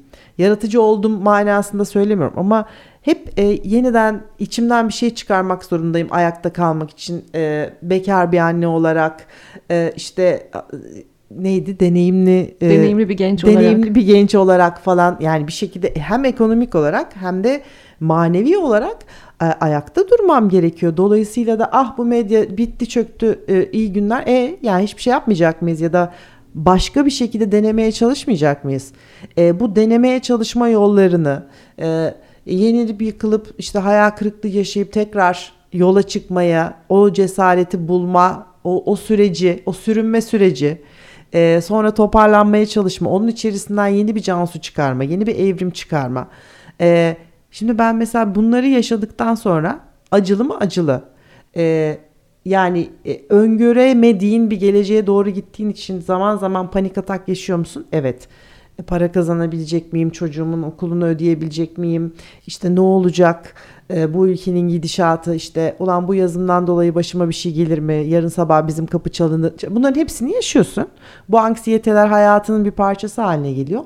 Ama bütün bunlar çok zorlayıcı olmasına rağmen başa dönüyorum. O hani bahsettim ya şu anda hala 50 senedir aynı şekilde köşesini yazan hı hı. çoğunluğu abilerimiz olan kişiler ya çok sıkıcı bir hayat. İyi ki de öyle olmamış yani. İyi ki de bir şeyler yolda kırılmış, e, dağılmış ve o dağınıklığın içerisinde tekrar el yordamıyla yolunu bulmaya çalışıyor, yolumu bulmaya çalışıyorum. E, bunların hepsi züğürt tesellisi de olabilir. Arkadaş niye yani ne güzel istikrarlı bir hayatın olurdu, maaşın olurdu. Kalkardın, giderdin, gelirdin. Sağlığından, işte güvenliğinden, hapse mi girdim, çocuk yalnız mı kaldı, babası bakacak. Yani bütün bunlar e, gerçekten bu bir konu ve benim sana ikinci sorum da bununla ilgili mesela. Haydi Hadi bakalım sorusu Yani sen. sadece e, çağdaş değiliz. E, aynı dönemin insanları, aynı jenerasyon insanları değiliz. Aynı zamanda bu biraz önce hatırladığım ve hayatımın önemli bir parçası olan bekar annelik mevzusunda da biz ortaklaşıyoruz seninle. Ee, senin e, çocuğun biraz daha büyük, e, benimkisi biraz daha küçük. Ben yola daha geç çıktım. E, fakat e, yani bekar annelikle ilgili ve e, bu kadar sert ortamlarda e, var olmaya çalışırken aynı zamanda işte çocuğunu bir ister istemez rol modelde oluyorsun ya da onun hayatını şekillendiriyorsun kendi tercihlerinle, politik tercihlerinle. Başta anlattım ya yani kızım işte yedi buçuk yaşında siyasetin ne kadarını onu anlatayım anlatmayayım. Ee, hiç zaman zaman şunu yaşadığın oluyor mu? Ya e, ben aslında e, öyle yapmamaya çalışıyorum ama e, aldığım pozisyonlarla e, siyasi ya da mesleki Ali'yi çok etkiliyorum. E, yanlış mı yapıyorum, doğru mu yapıyorum? Böyle ikileme düştüğün oluyor mu? Çünkü sonuç itibariyle çok sesli e, bir profesyonelsin, çok sesli bir kadınsın. E, Ali de bütün bunların hepsini takip ediyor. Yani bununla ilgili ikileme düştüğün oluyor mu? O, çok güzel bir soru. Ee, nasıl düşmem? Düşmemem mümkün değil. Benim galiba hayatta e, hayatta beni en zorlayan şey hem en çok tatmin olduğum, tatmin de güzel bir laf değil de beni en çok zorlayan müessese ya da beni en analık. çok zorlayan kimlik, analık. O yüzden analığın kutsanması da beni çok rahatsız ediyor bir tarafıyla. Yani ben o kadar çok hatalar yapan da bir anneyim ki. Şimdi e, Ali ile e, Ali ile ilişkimin özel bir ilişki olduğunu düşünüyorum. Özgün bir ilişki olduğunu düşünüyorum. Çünkü hiç numara yapmadım. Hiç rol kesmedim ona. Hatta bazen hiç rol kesmediğim için bana kızdığı da oluyor. E, artık o bir e, yetişkinliğe doğru yolculuğu olan genç bir adam. E, ama e, kimindi Man in the Arena? E, Brené Brown bir konuşmasında e, e, Man in the Arena e, konuşmasına refer ediyor. Böyle şey e, eleştiri eleştirenlerle ilgili tavrı anlatıyor. Kırılganlıkla ilgili yaptığı bir konuşmasında. Orada diyor ki arenadaki adamlardan, arenadaki insanlardan sadece geri bildirim ve eleştiri alabilirim diyor. Yani bu konuda ter dökmüş insanlardan. Şimdi nereye bağlayacağım bunu? Ben de e, bekar anneliğin ne demek olduğunu bilmeyen kimseden e, geri bildirim almak, akıl almak, fikir almak e, bunu istemiyorum. Bir kere bekar annelikle ilgili en çok bunu söylemek istiyorum. Bu soruyu sorduğun için teşekkür ederim. Biz dinleyen bir sürü bekar anne veya potansiyel bekar anne olduğuna eminim. E, ben bu konuda bu deneyimi yaşamış, bu konuda ter dökmüş. Hikayesi farklı farklı olabilir. Çocuklar birbirinden çok farklı zaten. E, ama e, şunu insanların bilmesini istiyorum. Bekar annelik ve bekar babalık aynı şey değil. Tıpkı annelik ve babalığın aynı şey olmadığı gibi. Buradan asla trajik bir hikaye devşirmeye çalışıyor değilim.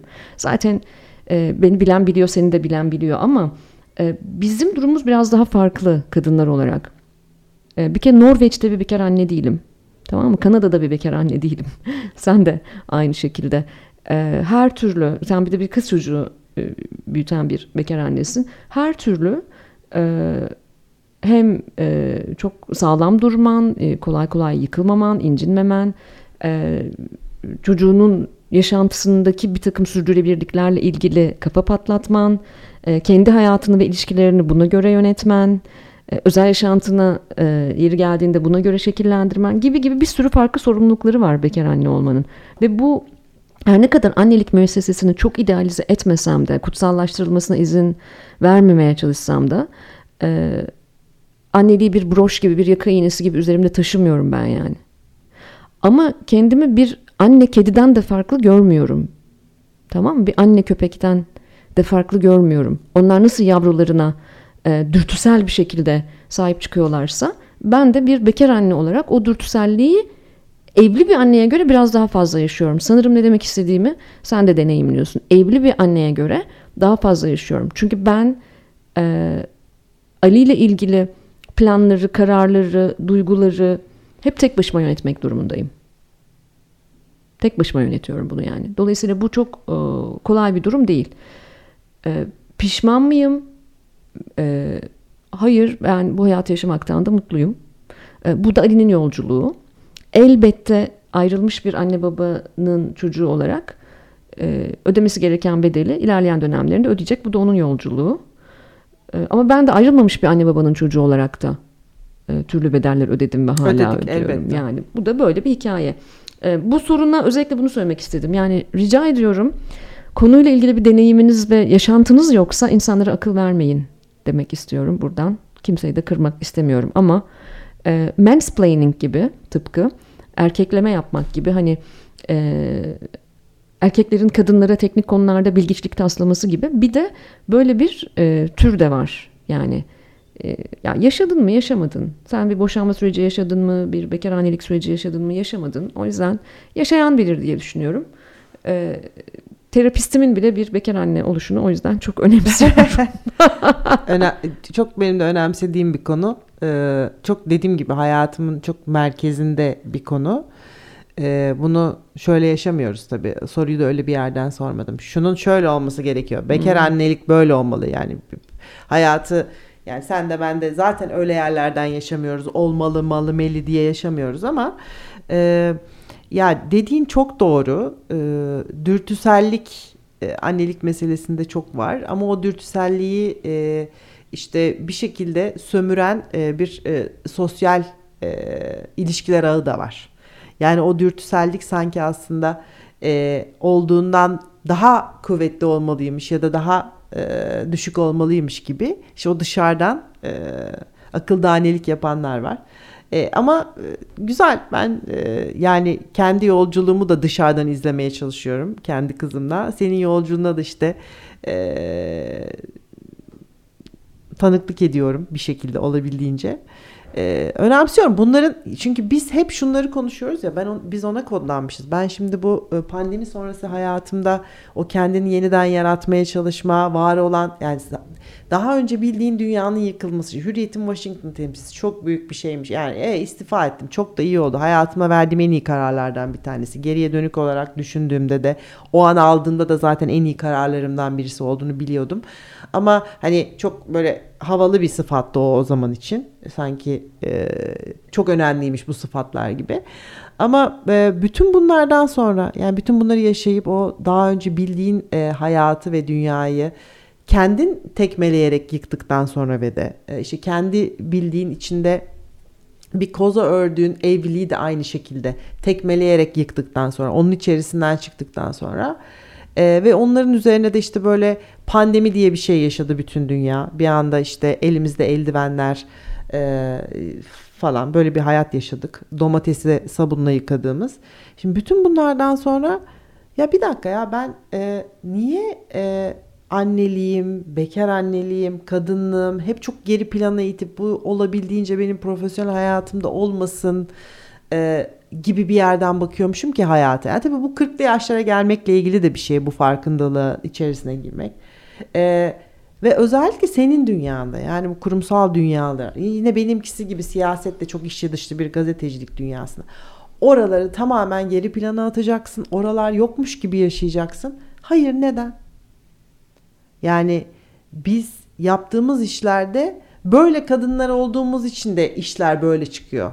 Kesinlikle. Yani o kırılganlığınla da e, kavuşman, buluşman, barışman. Kırılganlığına, doğurganlığına, doğurganlığına her şeyinle. Evet. E, o yüzden de biraz artık hem kendi yaptığım söyleşilerde de e, yani bu, bu taraflarımı kendi yazdığım, çizdiğim şeylerde de hatta bir e, artık şey gibi oldu bir türlü yazamadım o kitabı da Amerika dönemime dair bir işte kitap karalıyorum. E, ya o dönemi işte daha önceki çünkü e, Amerika'da yaşamış Türk gazetecilerin kitaplarına baktığın zaman hep işte bir dönem anlatılıyor ve o dönem o dönem için çok önemli dönemmişti. Yok Irak Savaşı'ymış, ondan önce başka bir şeymiş. İşte benim zamanımda Trump Erdoğan hattı vardı. İşte e, Rakka operasyonu vardı, Suriye vardı, F-35'ler vardı, vardı, vardı. Yani çok da canlı bir dönemdi e, siyaseten. E, o kitabı kafamda tasarlarken hiç benim e, aklım şeye gitmedi. Daha önce yazılmış işte Amerika'da bir Türk gazeteci şu dönemde yaşamıştı ve o döneme dair e, o koridorlarda yaşanan e, işte tartışmaları filan. Benim hep böyle o kadar e, şöyle gitti ki hayatım. Yani 3 hatta gitti mesela. Çok kısa bir dönemde 2 seneydi Washington temsilciliğinin. Benim tercihimle kısa sürdü. E, zaten sürmese de hani varmış gibi yapılarak bir hayat olacaktı. Yani ben maaşımı alıp Hürriyet'in Washington temsilcisiymişim gibi yapmaya devam edecektim. Onlar da benim yazılarımı basmamaya devam edecekti. Gittiği yere kadar bu gidecekti. Hani öyle bir hayat bana uymayacağı için zaten ben e, istifa ettim. Ama o iki seneyi ben mesela e, siyaseten şöyle bir dönemde Amerika içerisinde şöyle tartışmalar yaşanıyordu. Türkiye Türkiye Amerika hattında da bu vardı değil de üç hatta yaşadım ben onu. Bir Türkiye'de medyanın el değiştirmesinin son hamlesi olan Doğan grubundan Demirören'e sattırılması e, bütün gazetelerin ve televizyonların sürecinin ortasında gittim ben Washington'a. E, Trump Erdoğan işte ve bahsettiğim bu siyasi meseleler çok büyük yani Türk-Amerikan ilişkilerindeki en büyük krizlerin işte Andrew Brunson krizi, F-35'ler, e, YPG bütün bunların ortası ve 15 Temmuz'un hemen ardından e, 7-8 ay sonra gittim Washington'a. E, evet yani profesyonel e, hayatım yani mesleki olarak takip ettiğim dosyalar e, profesyonel hayatımda e, medyanın el değiştirmesi ve benim tamamen bambaşka türlü bir gazeteciliğe evrilmemin e, evrilmemle ilgili süreç ve üçüncüsü de bir buçuk yaşında e, bir çocukla ve e, yani işte tökezleyen bir evlilikle oraya gittim. Yani kadın attı da vardı bunun. Dolayısıyla şimdi bu kitabı bu kadar çok elime yapışması ve e, bir türlü bitiremiyor olmamın, bir türlü istediğim gibi ilerleye, ilerleyemiyor olmamın temel sebebi de bu. Belki bu soruyu da sana bu yüzden soruyorum. Biraz kendime bunu da işin içerisine e, koymalıyım bu kitabı yazarken gibi bir yerden e, yapmaya yazmaya çalıştığım için de bir, biraz kendimi de eleştiriyorum herhalde. Ya bunu yapmamalısın ya işte ne gerek var işte kalsın orada e, siyasi hatta kalsın ama yok ama orada bir, bir kadın gazeteci var genç evet, evet. bir anne var ve e, üç ayrı hatta bocalıyor. E, yani o bambaşka bir hikaye o zaman. İşte o yüzden de hep böyle e, kendi alanında başarılı e, kadınları gördüğüm zaman ve e, hayat, siyaset, meslek filan konuşurken bunu da koyuyorum araya. Belki kendimi de iyi hissetmek için. Çok güzel. Çok güzel. Hatta hemen yakın bir örnek de vereyim. Benim mesela bütün araştırma kitaplarımda zaten anlatı, kendi anlatılarım var ama mesela en son kitabımda Onlar Göçtü Buradan bir göç araştırması ve göçmen e, yeni nesil göçmenlerle ilgili.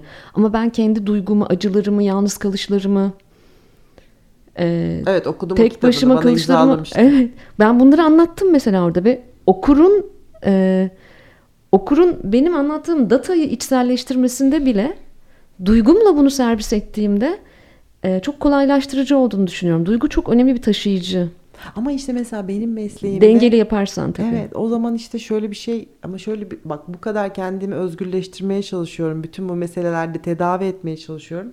Ama bir taraftan da e, ya bütün bunları da e, katmamalısın. E, bir gazeteci nesnelliği diye bir şey var diye de bir şey kafamıza kakılmış ya. Orada da bir suçluluk duyuyorum acaba bu bu kitapta böyle yazılırsa hafifler mi? Öyle bir şey evet, var işte ya. bak bu da başka bir paradigma. Bu bu bu bu Acaba bu doğru bir erkek, bir şey değil. Bir erkek böyle düşünmezdi değil mi? Hafifler mi? Asla. Hatta hafifleten yani bilinçli ve istendik bir biçimde hafifleten bir sürü erkek gazeteci tanıyorum. Hayır yani aslında daha da ağırlaştıran bir şey benim bu tabii, anlatmaya tabii, tabii. çalıştığım Kesinlikle. hikayeyi katmerlendiren sıkıntıyı ya da zorluğu bir şey ama işte e, evindeki ya da işte özel hayatındaki bocalamalarını da bu işin içerisine koyarsan e, ne alakası var canım Türk şey Washington'da yaşayan bir Türk gazetesi. E, çok alakası var. Çok.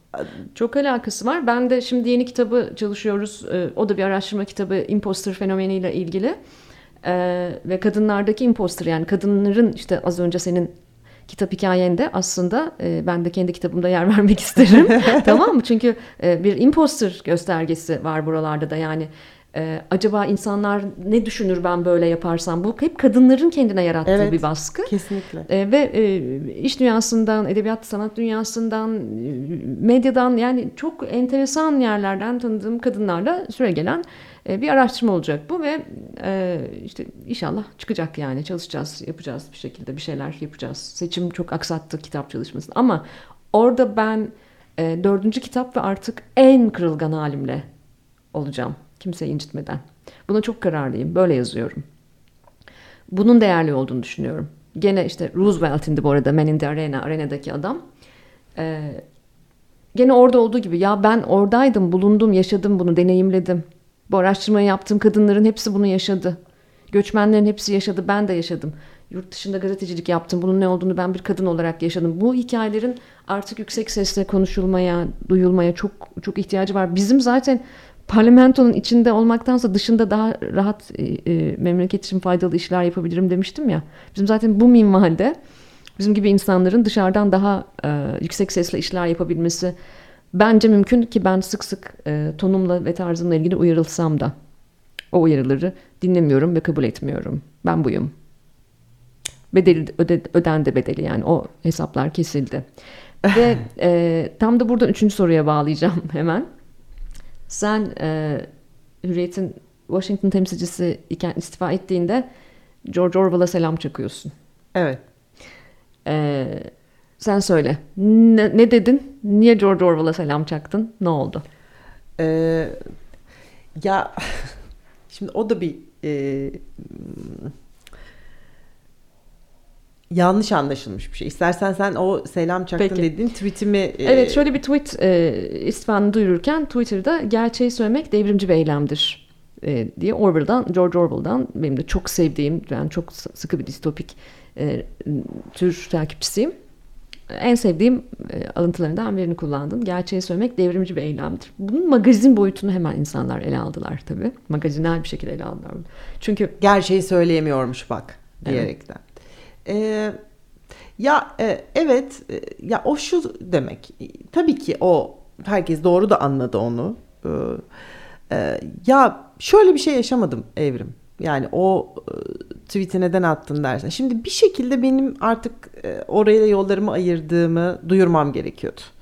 E, ya ben bugün hürriyetten istifa ettim çünkü filan. Yani bu, bu, okurla ilişkim de öyle değil. Ben öyle birisi değilim zaten. Ben sosyal medyayı da e, o kadar yoğun kullanan birisi de değilim. Ee, ve özellikle Twitter yani bu mesaj Twitter'dan yayınlandığı için biraz önce Threads'i de konuştuk. Hı hı.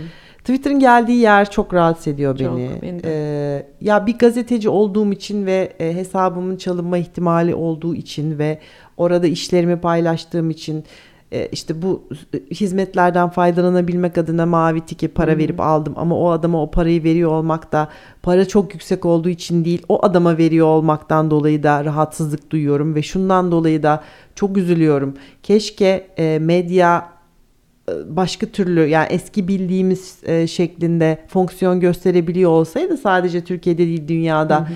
E, e biz Twitter'a e, şey kalmasaydık mahkum kalmasaydık hı hı. ama şimdi öyle bir şey ki o kadar ciddi bir alışkanlık oluştu ki yani orada e, işini gazeteciliğini orada duyurabiliyorsun orada gösterebiliyorsun zaten çok kanalların kısıtlı dolayısıyla hani orayı da kaybedip kaybetmeme konusunda şimdi dünyadaki gazeteciler mesela e, çok arkadaşlarım var Washington'da New York Times'a Washington Post'a pek çoğu o mavi tiki satın almadılar. Bir duruş sergilediler. Hatta işte Threads onun e, panzehiri olacak mı ya da onun yaraya e, şey tedavisi olacak mı bilmiyorum ama Oraya da kaydılar ya da en azından Twitter'a çok mesafelendiler. Elon Musk'a çok mesafelendiler. E, aynı mesafeyi biz Türkiye'deki gazeteciler olarak koyamadık. Çünkü bizim mecramız yok. Mecralarımız çok kısıtlı ve dar. Daha fazla insana ulaşmak gibi bir kaygımız var. E, ve bunu kamu yararı da zaten bunu gerektiriyor. Dolayısıyla hani orayı oralar o mevziyi de hala tutuyoruz ama bundan çok büyük bir rahatsızlık duyuyorum. Ama bu buraya evrilmeden önce işte 4 sene önce istifa ederken de çok fazla bazı meslektaşlarımın olduğu gibi orada böyle günde 8 tane 10 tane öyle yaptım böyle yaptım şu konuda böyle düşünüyorum filan. Yani çünkü orada da şöyle bir şey var. E tamam sen öyle düşünüyorsan ben de böyle düşünüyorum. Benim de söyleme özgürlüğüm var. Yazdım bakalım hadi.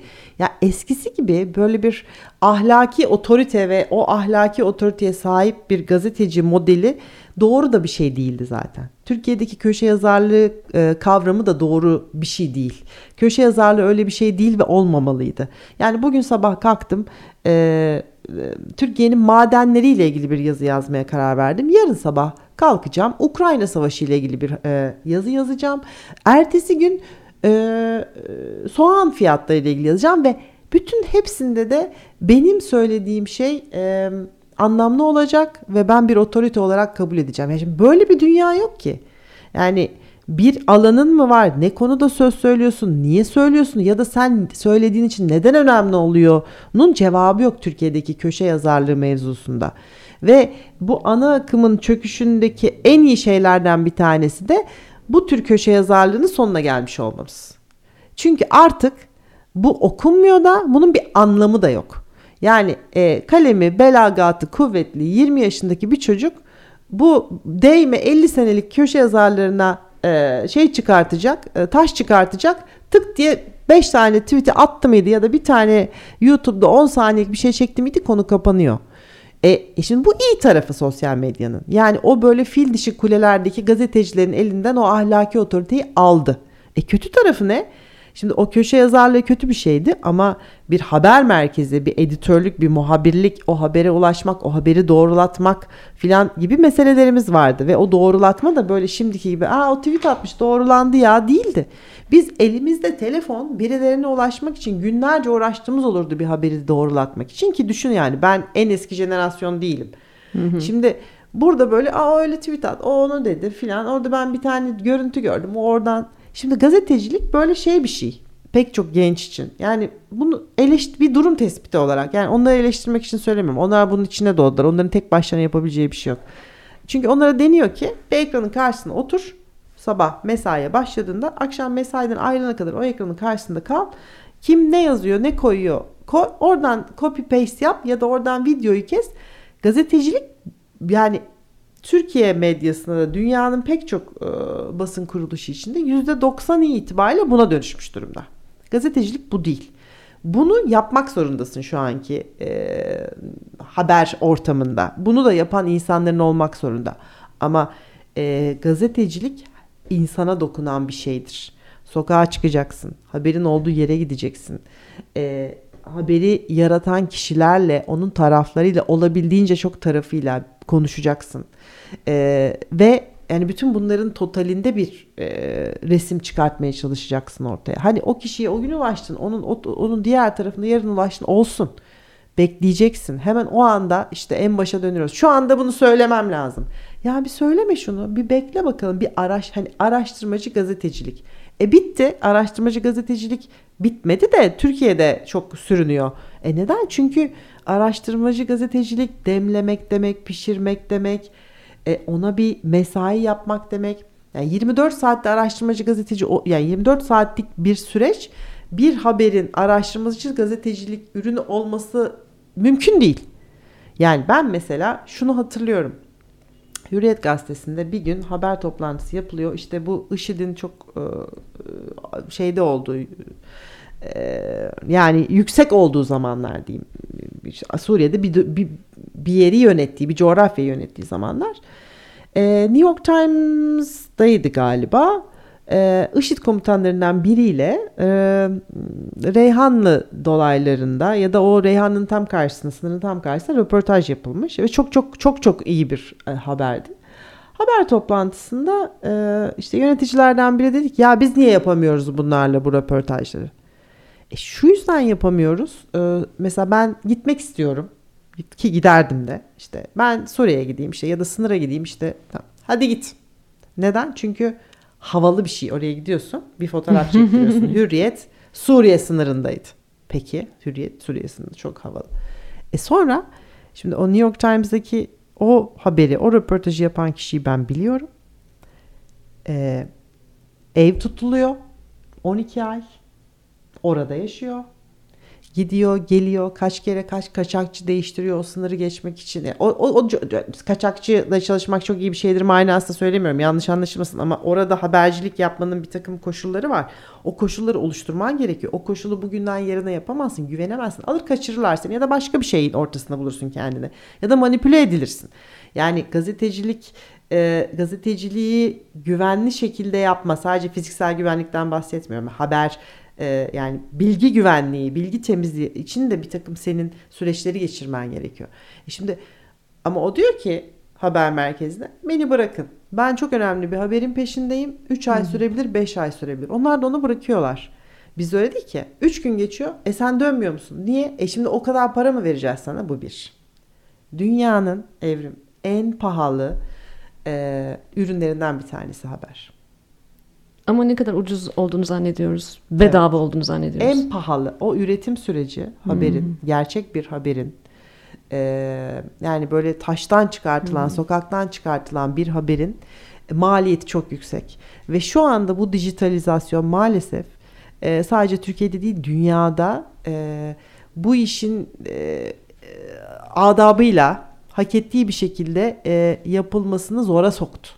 Çünkü e, herkesin bütün e, haber kuruluşlarının şu anda hani tık diye bir internet sitesi açıp tık diye bir YouTube'da kanal kurulan, kuran e, medya kuruluşlarının böyle bir maliyeti karşılama ihtimali yok. Yani şunu düşün. Bak çok basitinden söyleyeyim. Hadi e, tek başına bir habere gitmekten bahsetmeyelim. Ama ben Hürriyet'in Washington temsilcisiydim. E, ve ben orada e, dolar üzerinden maaş alarak e, makul yaşanabilir bir evde e, yaşayarak e, işte üç kişilik bir aile çocuğum kocam ben o zaman yaşayabiliyorduk. Hı hı. Ve bunu e, bir medya kuruluşu Türkiye'den bir medya kuruluşu sağlıyordu.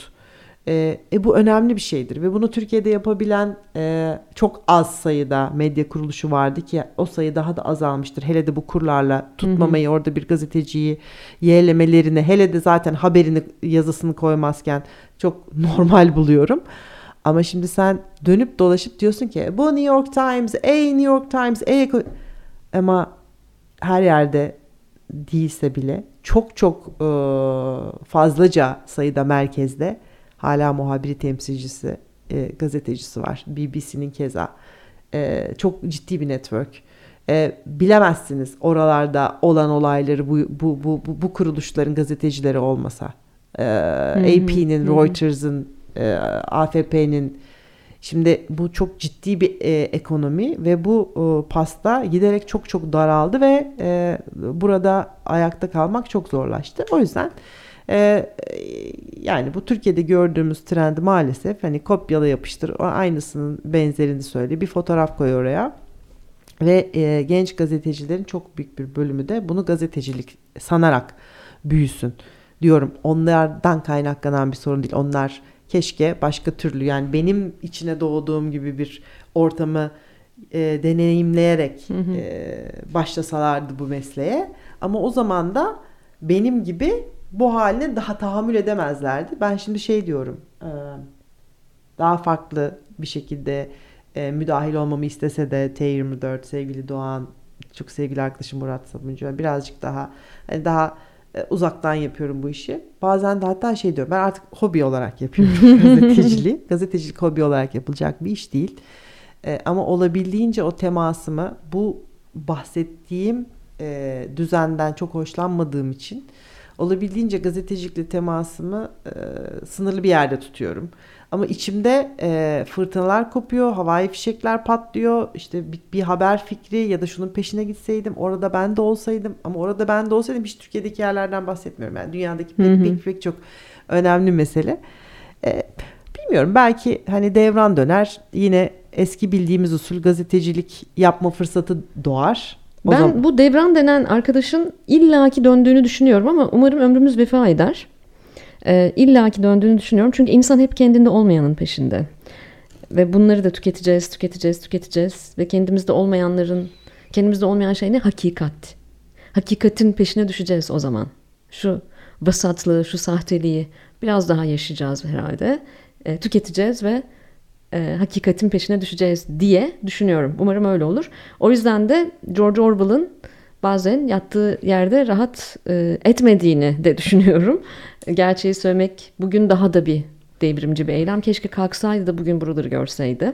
Evet ama şöyle bir şey de var. Orada da e, e, ya bu toplumun yarısına yakını 25 milyon e, işte gerçek söylensin diye e, bir evet. hayalin peşine düştü.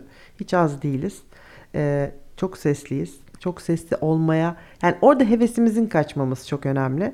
E, ben e, şerbetlendiğimizi düşünüyorum.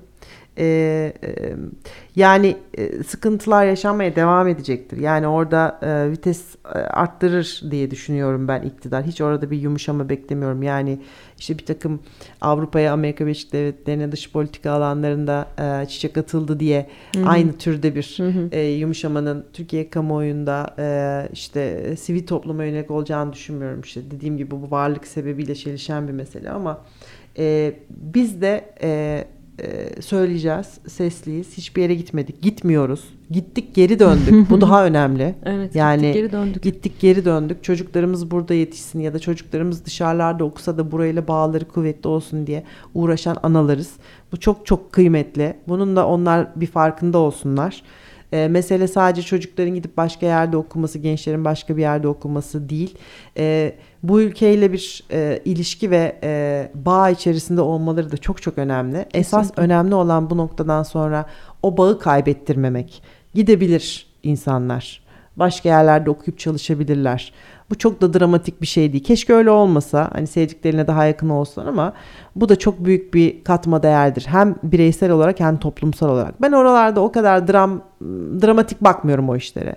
Ama e, burayla ilişki kopmamalı. Burayla olan o duygusal bağ devam ettirmek çok önemli. e, yani ben bu ülkeden vazgeçtim değil. Ben bu ülkenin şu anki döneminde burada iyi kendi mesleğimi icra edemeyeceğimi düşünüyorum ya da kendimi özgür hissetmiyorum. Evet ama bu ülkeden vazgeçtim e, olmasın diye e, bizim çok ya bizim jenerasyonumuzun o aradaki jenerasyonun e, çok e, dikkatli olması gerektiğini düşünüyorum. O o söylemlere çok prim vermeyecek e, işler nasıl yapacağız bilmiyorum. Yani ben şu anda e, içeriğimizi asılacağız. Evet. Yani çünkü şöyle düşünüyorum. E, çok seviyorum Vizontele'nin ilk e, filmiydi o. E, Altın Erkek'le orada biliyorsun. Evet. Belediye Başkanı Nazmi oynuyor. E, meydanda bir sahne var. Onu hatırlıyor musun? Şey diyor meydanda toplanan insanlara. İnsan memleketini niye sever diyor.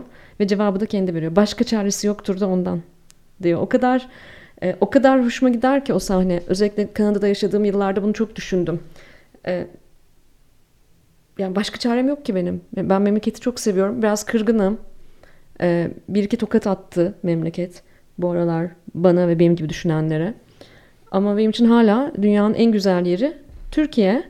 E, yine aynı filmde bu belediye başkanı Nazmi şey diyor. Biliriz ki bir yerde mutlu mesut olmanın ilk şartı orayı sevmektir. Burayı seversen burası dünyanın en güzel yeridir. Ama dünyanın en güzel yerini sevmezsen orası dünyanın en güzel yeri değildir. Benim için hala Türkiye dünyanın en güzel yeri. O yüzden buradayız ve devam edeceğiz. Herkesin bir direnme usulü var. E, biz üretiyoruz Allah'tan. Üretmek en güzel direniş bana sorarsan. Ve son soru sırası şimdi sende. Evet benim son sorum e, şöyle bir soru. Bunu retorik bir soru değil. Hı hı. Yani burada benim bir fikrim var hı. da sana onu söyletmeye çalışıyor değilim. Gerçekten merak ettiğim bir şey. Ee, bana e, kurumsal dünyalar yani senin çalıştığın e, ve senin aklına fikrine araştırmalarına başvuranları söylüyor. İşte şirketler, markalar. E, içim şişiyor bazen onlardan benim. Gerçekten onların o kendi dilleri var. Anlamıyorum zaten söyledikleri şeyleri. Bakıyorum hani e, ne demek istedi bunlar diye. Onlar onu çok biliyorlar yani o başka bir dil mesela. E, ama bir taraftan da e, çok görmeye, görülmeye, e, e, takdir edilmeye, tanınmaya dönelik bir dünya ya. Hani bir taraftan ben seni bir arkadaş olarak e, çok başka bir yerde görüyorum. Hani e, yani kafaya taktığım meseleler, hani bu kadar derinden yaşaman ama bir taraftan da hayatının büyük bir bölümünü hani bu tür kodlarla yaşayanlarla geçiriyorsun. Eee Nasıl o iletişimi kuruyorsun? Çünkü sen aslında bambaşka bir tipsin onlarla kıyaslandığın vakit ve hani okuduğun, takip ettiğin, e, sevdiğin şeyler bambaşka. Ama o o o, o dünyaya e, fikir veriyorsun. O o dünyaya o fikri verirken de çok onlarla berabersin. Yani nasıl olabiliyor? Çünkü bana çok iki ayrı dünyaymış gibi geliyor. Öyle aslında gerçekten birbirine yakın dünyalar değil ama yaşanan e, küresel ve ulusal dertler e, bazı ortak paydalarda bizi buluşturmaya başladı. Belki bu yüzden ben de artık 20 küsur yıldır bu işleri hala yapabiliyorum. Bazen çok yoruluyorum. Ee, galiba benim çok farklı ilgi alanlarım olması benim kurumsal yaşantının içerisinde e, daha uzun süre kalabilmemi sağladı. Çünkü ben kurumsal yaşantının içerisinde bir de olabilecek en zor profillerle, e, daha ziyade karar vericilerle hı hı. çalışıyorum.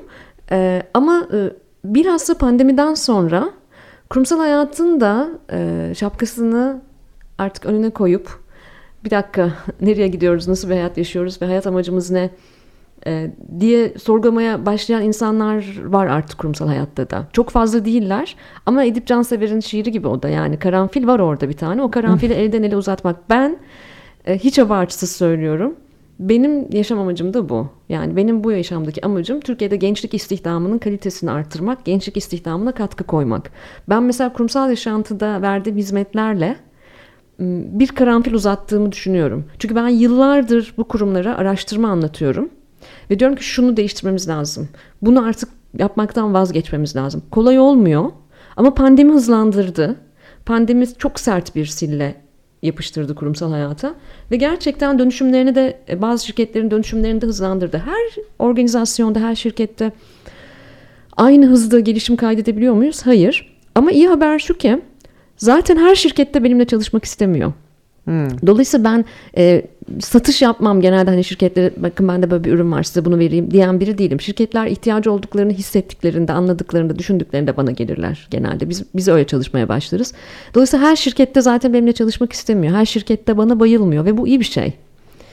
E, birlikte çalıştığımız markalarla, kurumlarla da e, ilişkilerimiz hiç kısa sürmüyor. Yani ben artık o ailenin bir parçası gibi oluyorum. Zaten o kimya uyuşmazsa çalışamıyoruz Cansu. Ben size göre değilim dediğim insanlar oldu benim hmm. kariyer hayatımda yani size, tahmin ederim. Size tahmin edersin sen. Evet. Yani ben gerçekten çok teşekkür ediyorum ilginiz için ama ben size hiç uygun bir danışman değilim.